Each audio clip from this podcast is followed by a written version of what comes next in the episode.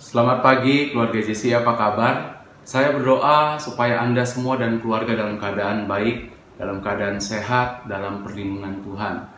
Eh, Kita tahu bahwa ada hal-hal yang selalu mengkhawatirkan kita atau mendatangkan ketakutan lewat berita, media, dan sebagainya. Tapi biarlah firman Tuhan hari ini yang kita dengar akan memberikan kekuatan. Firman Tuhan yang kita terima hari ini akan memberikan damai sejahtera dan pengharapan baru. Amin. Baik, kita akan mendengarkan firman Tuhan. Mari kita mau berdoa. Bapak Surga kami terima kasih buat pagi hari ini Tuhan. Kami bersyukur atas kemurahan Tuhan Kau menjaga hidup kami. Dan hari ini Tuhan kami mau serahkan tubuh jiwa roh kami untuk dalam eh, eh, dalam tanganmu Tuhan. Biarlah Tuhan kami mau serahkan Tuhan setiap kehidupan kami Tuhan ke dalam tanganmu. Biar Engkau saja yang beracara, Engkau yang berbicara Tuhan melalui firman-Mu Tuhan dan dapat memerdekakan hidup kami. Dan kami mau sambut firman-Mu dalam nama Tuhan Yesus. Amin. Amin.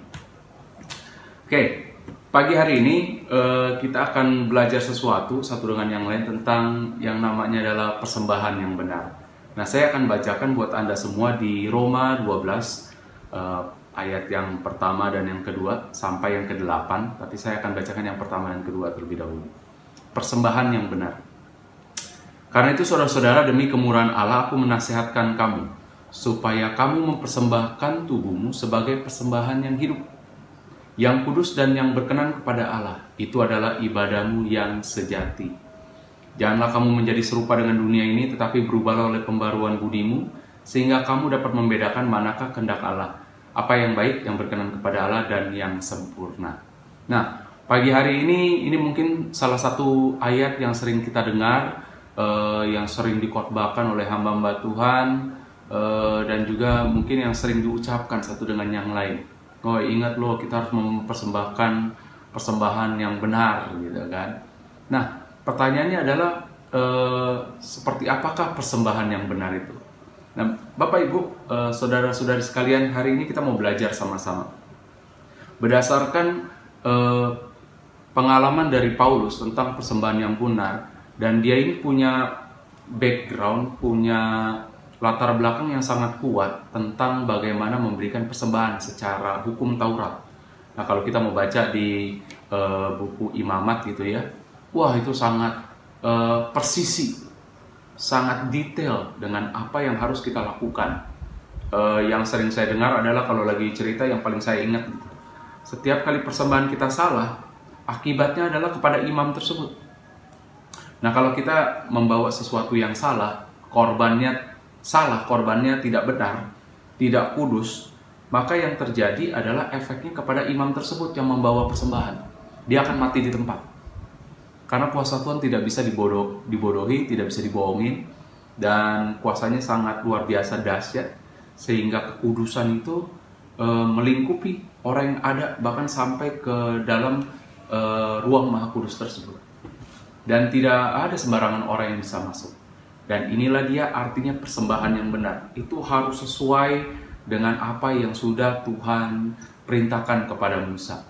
Dan itu dijabarkan oleh uh, Musa dan Harun melaksanakannya dengan baik. Nah, jadi uh, latar belakang ini akhirnya memberikan Paulus untuk menceritakan keseluruhan kisah tentang persembahan yang benar. Nah, artinya adalah kita mau belajar kalau kita ingin memberi, kalau kita ingin mempersembahkan, mempersembahkan itu harus benar. Nah, yang benar itu kualitasnya seperti apa? Nah, kita mau belajar nih. Yang pertama adalah supaya kamu mempersembahkan tubuhmu sebagai persembahan yang hidup. Pertama tubuh kita.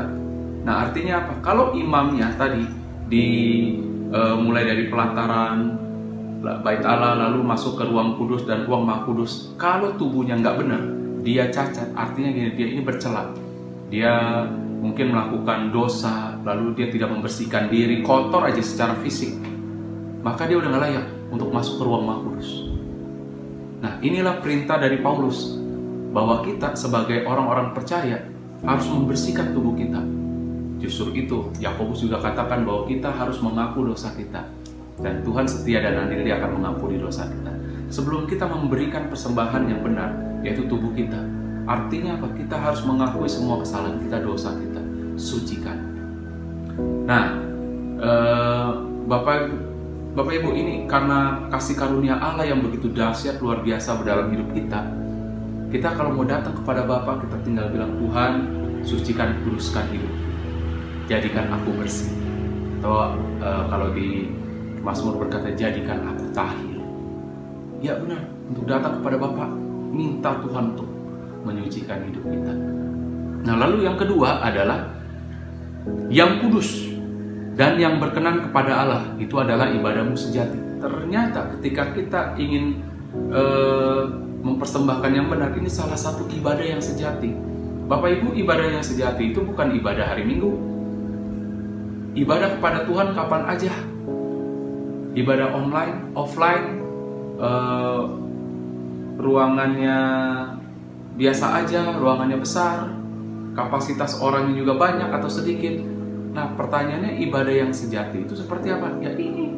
Ibadah sejati adalah ibadah yang kita lakukan dengan memberikan punya hati, punya tubuh yang suci dan kudus di hadapan Tuhan sehingga dia berkenan. Nah, perkenanan Tuhan itu kalau dulu ukurannya jelas secara tubuh fisik dan sebagainya, sekarang sulit diketahui orang ini udah suci atau kagak gitu kan. Kalau masuk ke dalam bait Allah hanya Tuhan yang tahu dan orang tersebut. Tapi daripada kita mikirin orang lain, kita pikirkan diri sendiri. Kalau Anda sadar bahwa diri kita nih lagi kotor, uh, masih belum tahir, bilang sama Tuhan, Tuhan ampuni dosa. Tuhan, aku mengaku. Mari Bapak Ibu, saudara-saudari sekalian, sebelum kita masuk lebih dalam, maukah kita berkata saat ini juga, Tuhan tahirkan aku, Tuhan sucikan aku supaya aku memberikan persembahan. Amin. Amin. Lalu Bapak Ibu, eh, di ayat yang kedua dikatakan seperti ini. Jangan kamu menjadi serupa dengan dunia ini, tetapi berubahlah oleh pembaruan budimu, sehingga kamu dapat membedakan manakah kehendak Allah, apa yang baik, yang berkenan kepada Allah, dan yang sempurna. Nah, ini adalah gini yang kedua. Yang pertama adalah kita uh, sebagai bait Allah kita harus melaksanakan ibadah untuk melakukan persembahan. Nah, yang kedua, Paulus menyatakan bahwa kita jangan serupa dengan dunia ini, tapi berubah oleh pembaruan budi. Beda nih cara berpikir, sehingga kita dapat membedakan kehendak Allah yang baik dan yang sempurna. Ingat kisah tentang Elia ketika dia ada di Gunung Horeb dan sedang menantang 450 Nabi Baal. Nah, Nabi Baal disuruh lakukan dulu persembahannya, dia bangun mesbah dengan batu disusun lalu dia menyembeli lembu itu ya. Terus setelah itu diminyakin dan sebagainya. Selama beberapa jam dia lakukan 450 nabi itu melakukan ritual-ritualnya. Tapi yang terjadi adalah semuanya nihil nol. Tuhan tidak ada di sana. Dewa-dewanya tidak mendengar. Nah yang dilakukan oleh Elia adalah dia membersihkan semua mesbah. Dia beresin semuanya. Dia uh, kembalikan seperti semula di batu yang sama, mesbah yang sama, lalu dia sembeli dengan uh, lembu yang berbeda. Dia sembeli, dia taruh di atas mesbah, lalu yang berbeda adalah dia tidak taruh minyak, tapi dia taruh air. Air ditumpahkan semuanya di atas mesbah, lalu turun ke bawah hingga itu ada seperti selokan di sekitar mesbah. Menurut Anda, kira-kira kalau misalnya Tuhan ingin uh, menerima korban bakaran itu, harus dengan minyak kan? Tidak pernah dengan air. Nah kali ini Elia coba bilang ke orang-orang nih saya coba pakai air. Api pasti mati dengan air. Justru itu yang buat manusia mustahil buat Tuhan tidak mustahil. Nah inilah salah satu caranya kenapa kita ketika kita ingin memberikan persembahan yang benar itu harus dimulai dari mindset. Jangan dipikir untuk uh, persembahan yang benar Tuhan akan terima seperti ini caranya. Caranya seperti ini. Oh kalau uh, Tuhan ingin menerima sebagai korban bakaran harus dengan minyak. Elia melakukan yang berbeda. Nah, kadang-kadang Tuhan meminta kita untuk melakukan sesuatu yang mustahil. Yang uh, mustahil untuk kita kerjakan, mustahil untuk kita perbuat. Dan um, supaya apa? Supaya kita logikanya ini nggak sesuai dengan logikanya kita, tapi kita pengen selaras, ingin selaras dengan apa yang menjadi kehendak Tuhan. Elia mengikuti kehendak Tuhan. Apa yang baik, yang berkenan, bukan minyak, tapi air. Dan saat itu juga Elia berkata, datanglah Tuhan. Tuhan datang, makan semua korban termasuk airnya. habis semuanya. Seperti ada api yang turun dan e, menjilat semua mesbah tersebut. Dan itulah dia Tuhan menyatakan kuasanya. Persembahan yang benar dimulai dari mindset kita, mindset untuk kita memberikan sesuatu yang berbeda. Sederhananya seperti ini, ketika Anda eh, nggak e, punya apa-apa, dan Tuhan berkata kamu harus memberikan. Ah Tuhan saya kagak punya apa-apa, saya nggak bisa lakukan apa-apa, saya nggak cukup ini. Nah itulah tandanya. Kita ingin melakukan kehendak Tuhan, apa yang baik, berkenan dan sempurna. Kita harus memberi. Nah, banyak orang-orang juga yang digerakkan karena dia ingin melakukan kehendak Tuhan. Dia digerakkan Tuhan untuk melakukan ini, melakukan itu. Padahal menurutnya adalah sesuatu yang mustahil.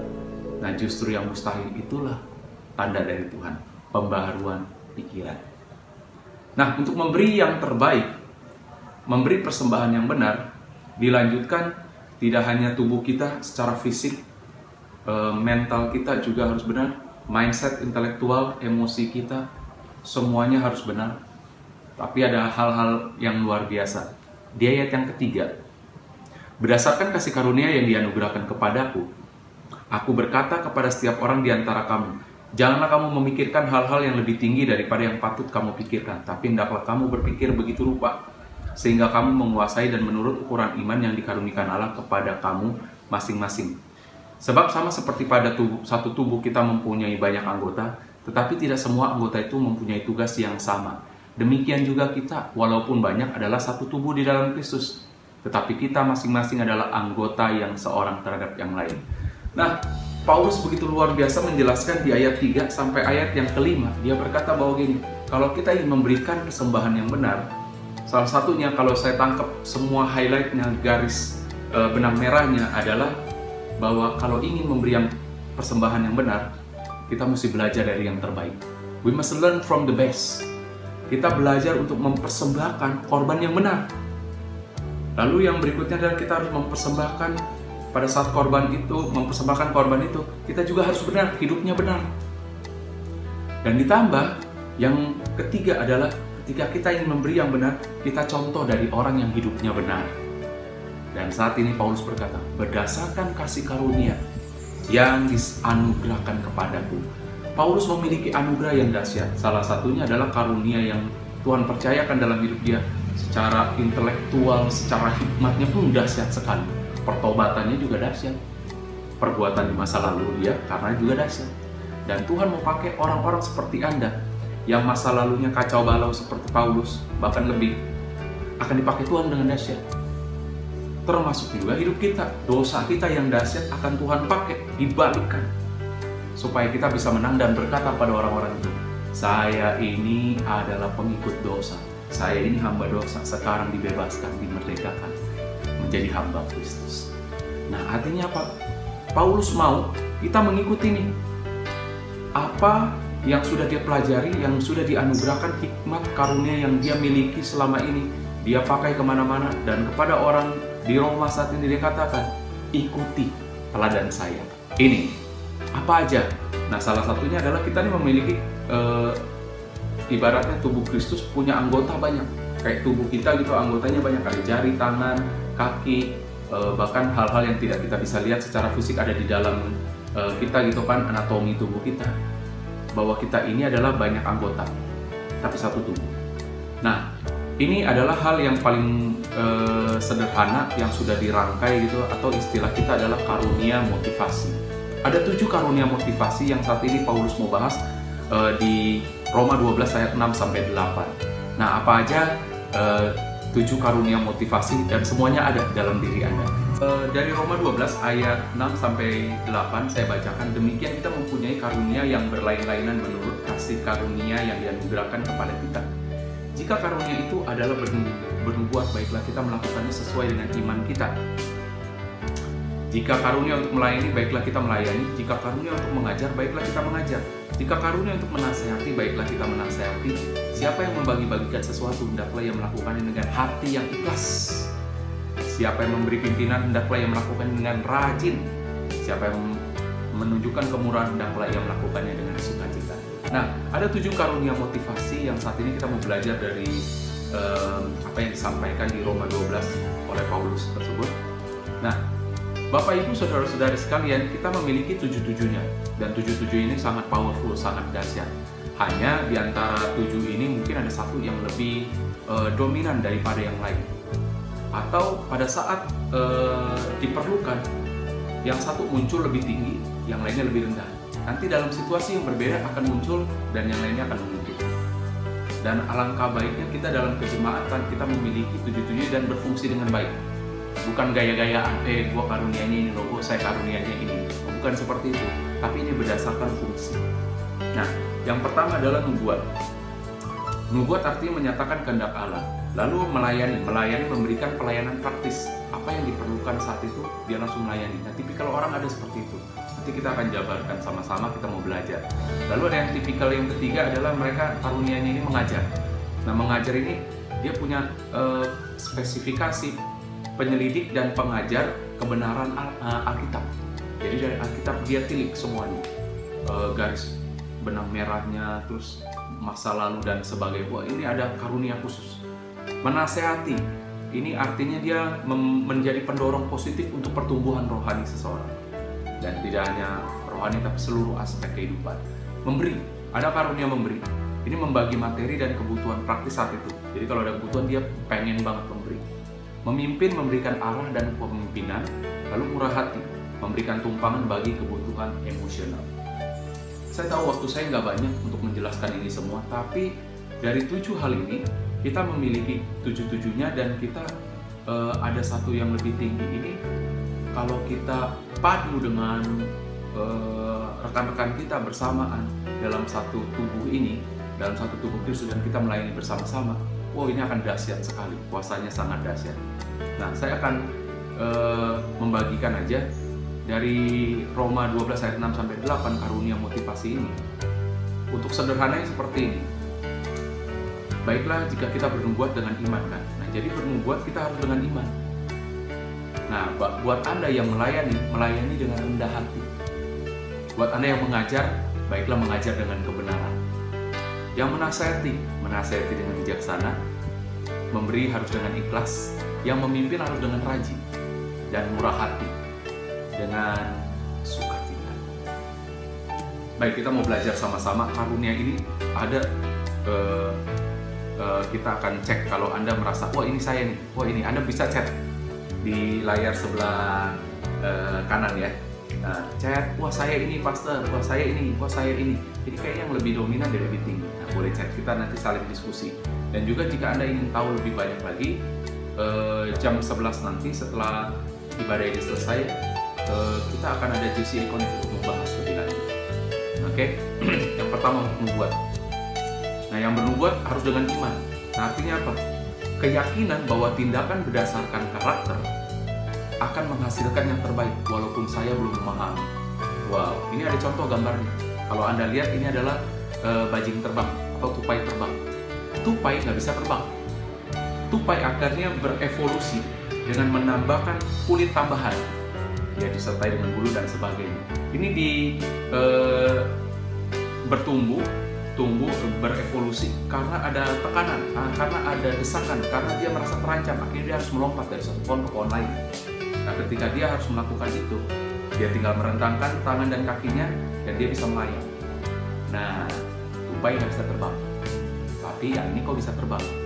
Dia dengan iman dia percaya bahwa keyakinan dia, karakter, dia kan karakter pada saat dalam tekanan atau kondisi e, mendesak sendirian akan menghasilkan yang terbaik. Karena kan kita memang perlu uh, ada dalam posisi yang terdesak, dalam posisi uh, tertekan, baru kita akan keluar. Jadi ada istilah gini, seseorang akan mengeluarkan yang terbaik ketika dia ada dalam tekanan. Keren. Tapi jangan sampai ditekan terus. Sama seperti buah kalau diperes, hmm, ditekan menghasilkan yang terbaik. Emas dilebur dulu, hmm. diamond wah permata itu kan berlian harus diasah demikian baru keluar sinar. Dan manusia juga sama. Ketika kita dalam proses seperti ini juga kita akan keluar yang terbaik. Amin. Dan bernubuat artinya apa? Bahwa kadang-kadang kita belum memahami apa yang akan terjadi ke depan tapi kita mengambil langkah. Nah itulah disebut langkah iman. Jadi kalau anda bernubuat baiklah bernubuat dengan iman. Anda yakin bahwa hal-hal yang kita belum pahami hari ini akan terjadi kemudian itu adalah kehendak Tuhan. Amin. Lalu yang kedua, melayani. Kalau Anda melayani, baiklah Anda melayani dengan rendah hati. Artinya apa? Mengakui bahwa pencapaian adalah hasil dari bantuan orang lain dalam hidup saya. Nah, maksudnya gini, eh, Bapak Ibu kalau Anda melayani, Anda ada sekarang itu karena bukannya eh, kontribusi Anda sendiri, tapi ada orang-orang di sekeliling Anda, ada banyak orang di sekeliling yang membantu Anda sampai sejauh ini, sampai Anda ada di titik ini. Nah, artinya apa? Kita harus ingat orang-orang yang ada di sekeliling kita siapa aja yang kasih kontribusi? Contoh sederhana orang tua. Karena ada orang tua kita seperti ini akhirnya kita mencontoh papa mama kita seperti ini.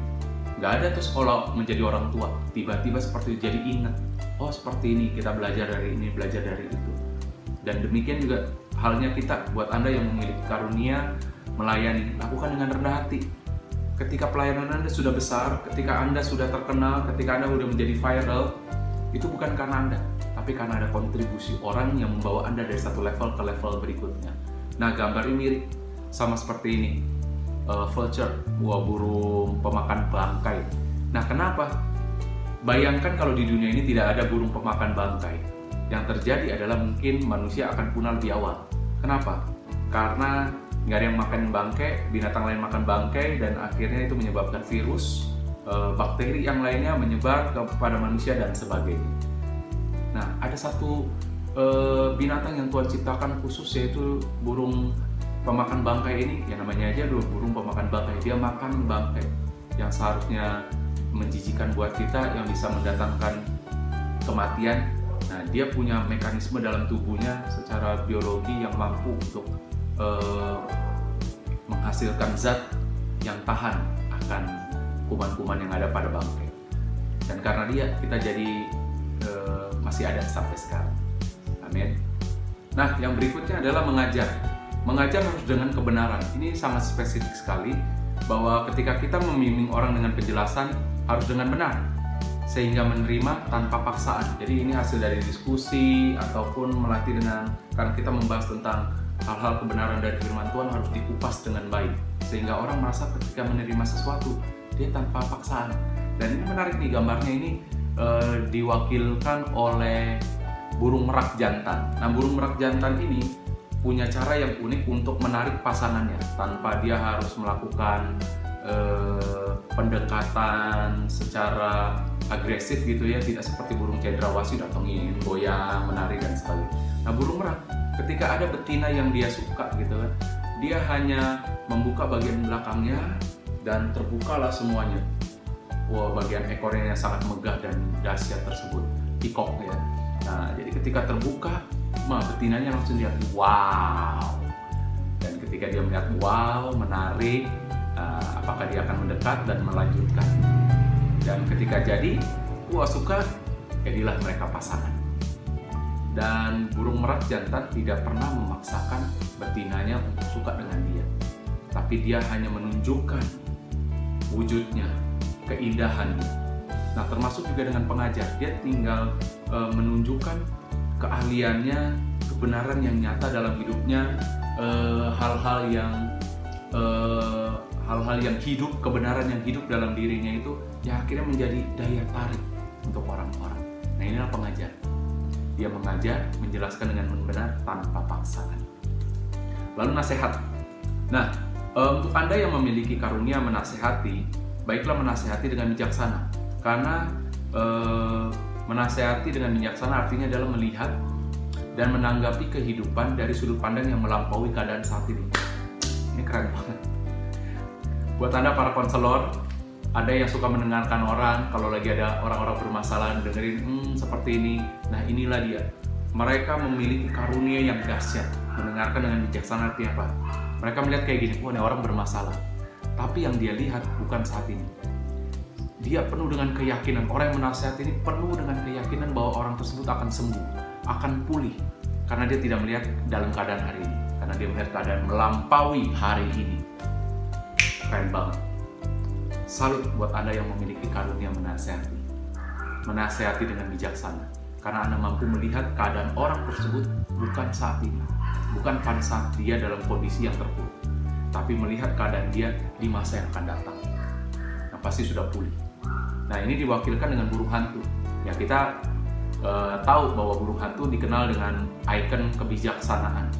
Kenapa burung hantu bijak? Karena dia punya dua mata yang lebar, yang besar, telinga, dan satu mulut yang kecil. Nah, artinya apa? Gak banyak ngomong. Dia hanya memperhatikan dengan matanya. Ya walaupun telinganya tidak difungsikan dengan baik, tapi itu menerima sonar. Wah, keren ya. Yang paling penting apa? Mulutnya bisa dijaga. Mulutnya keluar hanya di saat-saat tertentu. Karena bahkan ketika dia terbang, kepak sayapnya aja nggak kedengeran. Nah, ketika dia berburu, sayapnya nggak kedengaran, kepaknya, nah, mulutnya juga nggak kedengaran karena mulutnya digunakan untuk mencaplok mangsanya.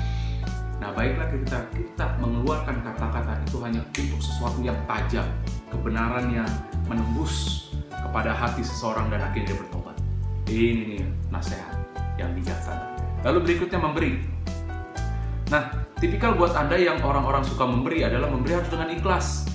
Jangan hitung-hitungan di belakang, lalu tiba-tiba keluar bon atau kwitansi. Nih, waktu itu saya beri kado. Nah, puji Tuhan ya adalah buat Anda yang memiliki karunia memberi.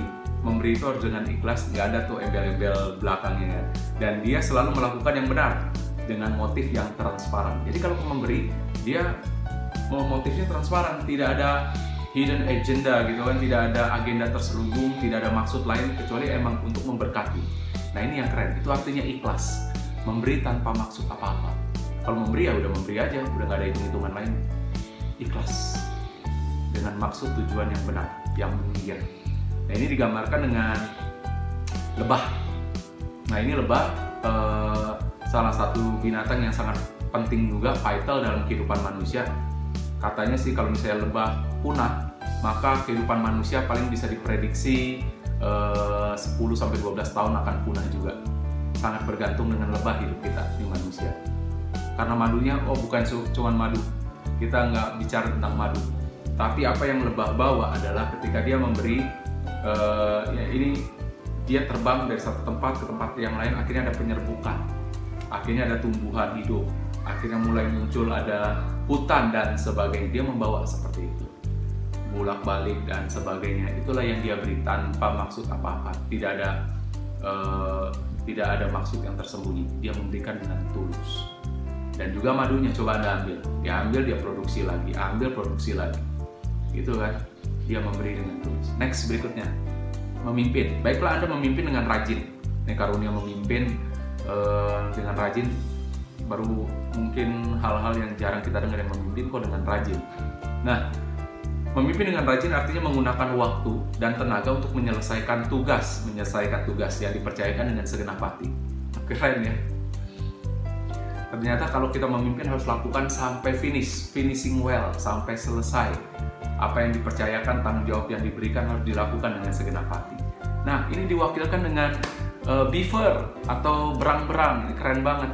Nah, beaver ini dia tuh kalau misalnya uh, dari anak tinggal dengan keluarganya setelah itu dia akan mencari pasangan dan dia akan tinggal dengan pasangannya keluar dari orang tuanya.